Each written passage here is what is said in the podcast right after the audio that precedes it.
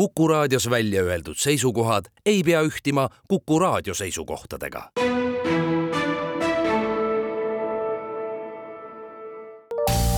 terviseks. Saadet toetab Lääne-Tallinna Keskhaigla, vaata ka keskhaigla.ee tere, head Kuku kuulajad, eetris on saade Terviseks ja me räägime täna toitumisest. mina olen Ingela Virkus ja koos minuga on stuudios Lääne-Tallinna Keskhaigla toitumisnõustaja ja toitumisterapeut Külli Holsting, tere! tervist! Kuueteistkümnes oktoober on äh, ülemaailmne toidupäev, mille eesmärk on tõsta üldist teadlikkust äh, maailma toiduprobleemist ja juhtida tähelepanu nälja, alatoitumuse ja vaesuse vastu võitlemisele, et kui natukene laiemalt alustadagi, siis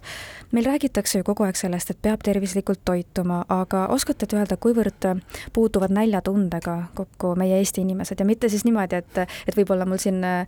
tööpäeva keskel kusagil mingi hetk läheb kõht tühjaks, söön jälle on kõik hästi, vaid et inimestel ongi raske majanduslikus mõttes endale ja oma perele vajalikes koguses toitaineid pakkuda ja, ja seda tervislikku menüüd koostada. Jah, seda on raske öelda, et kui palju täpselt neid inimesi meil on, aga need, kellega mina kokku puutun, jaotuvad enamasti kaheks. Äh,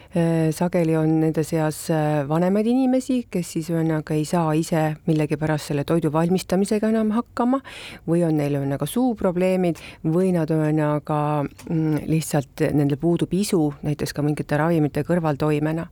ja teine osa on siis neid inimesi, kes on siis kas mingite terviseprobleemide pärast jätnud oma menüüst väga palju toiduaineid välja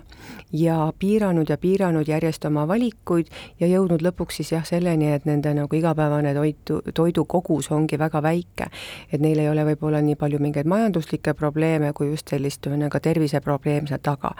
et kui palju seal on nagu majandusliku probleemidega inimesi, neid saab võib-olla öelda seda, kui, kui minna vaadata, palju inimesi seal supiköögis järjekorras on ja, ja Toidupanga äh, ukse taga. et nende kohta on raske öelda et meie puutume sageli ikkagi kokku ka nende inimestega, kes on ka võib-olla ülekaalus, aga kes on alatoitunud, ehk et nende toidusedel on olnud niivõrd äh,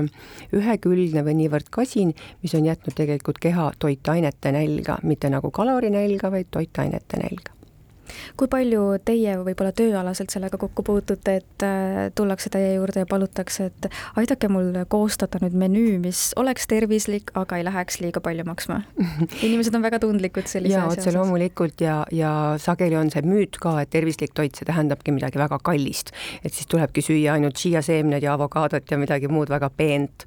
aga tegelikult jah, tervislik menüü tähendabki seda, et selles on hästi palju rikkalikult just nimelt valikus erinevaid köögivilju ja need köögiviljad ju paljud ikkagi kasvavad meil siin kohapeal eh, ja on aasta läbi saadaval ja ei ole mitte nii hullu hinnaga, nagu ma ütlen siin kapsast, kaalikat näiteks, peeti, porgandit, mida me võiksime palju rohkem süüa.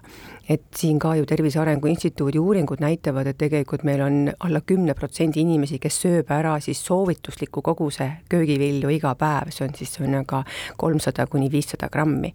Ja uued Põhjamaade toitumissoovitused, mis nüüd äsja-äsja just on välja tulnud, ütlevad, et seda kogust võiks veelgi suurendada seitsmesaja kuni kaheksasaja grammi peale. Ja vastupidiselt siis vähendada natukene ka punase liha koguseid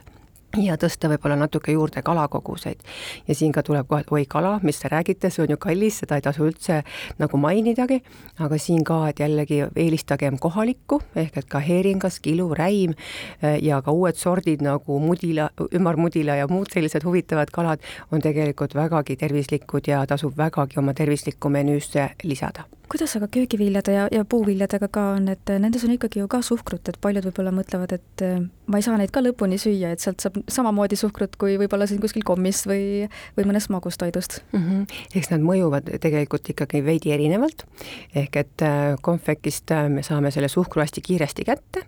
aga puuviljast, äh, kus on veel ka lisaks kiudained, imendub see kõik palju aeglasemalt ja meie täiskõhutunne on ka tunduvalt kauem, pluss me saame vitamiine, saame mineraalained ja saame rikkalikult ka kiudained, mis siis meeldivad meie kõhubakteritele väga.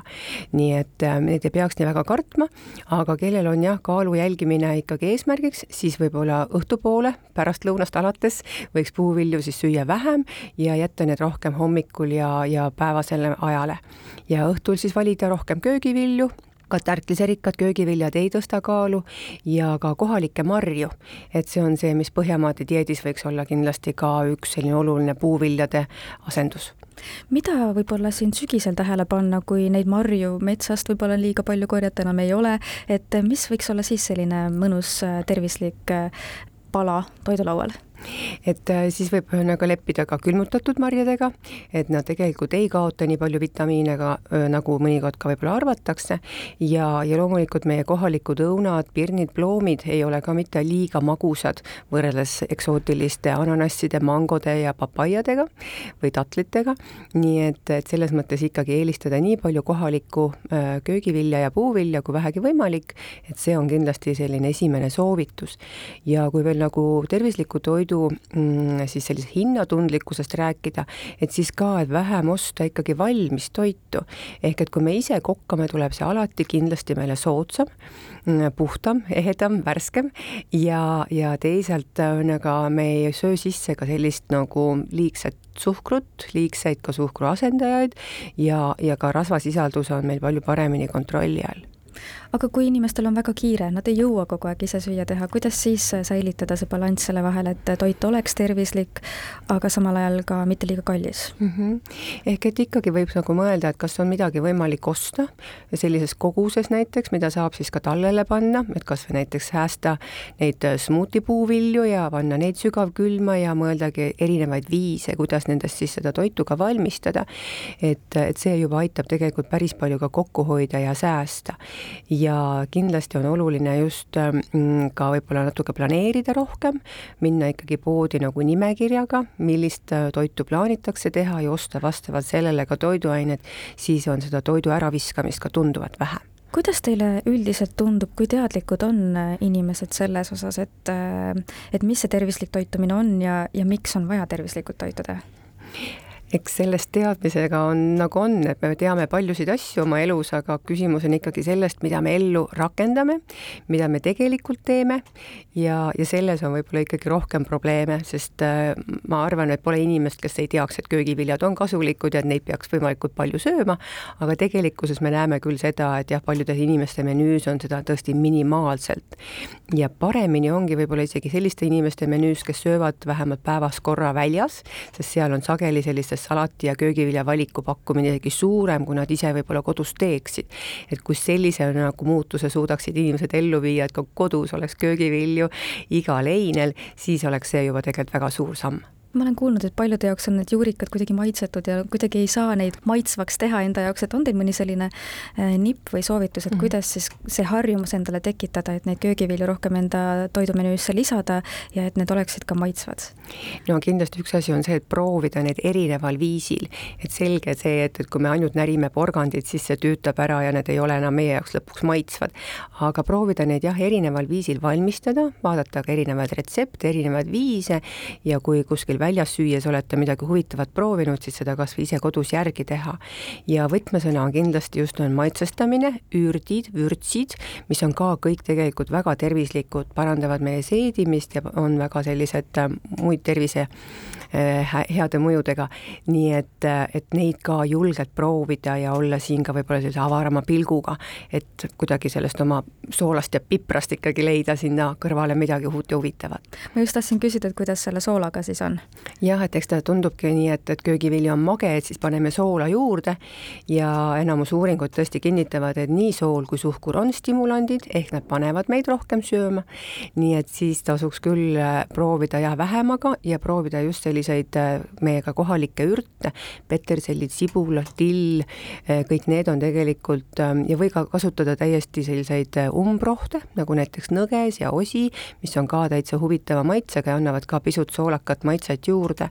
ja eriti siis avara pilguga võib siis proovida ka näiteks vetikaid ja vetikahelbeid, mis annavad veel lisaks teisi mineraalaineid. nii et äh, siin ka, et äh, huvitavaid äh, ideid otsida, neid omavahel ka jagada, et mis, millest ikka siis tööl kohvinurgas rääkida, kui mitte uuest retseptist, mida sai eile proovitud ja kuidas siis välja tuli. nii et ka see võib-olla parandab ka selliseid tööalaseid suhteid mõnikord me jätkame oma vestlust juba homme kell neliteist nelikümmend viis terviseks. saadet toetab Lääne-Tallinna Keskhaigla, vaata ka keskhaigla.ee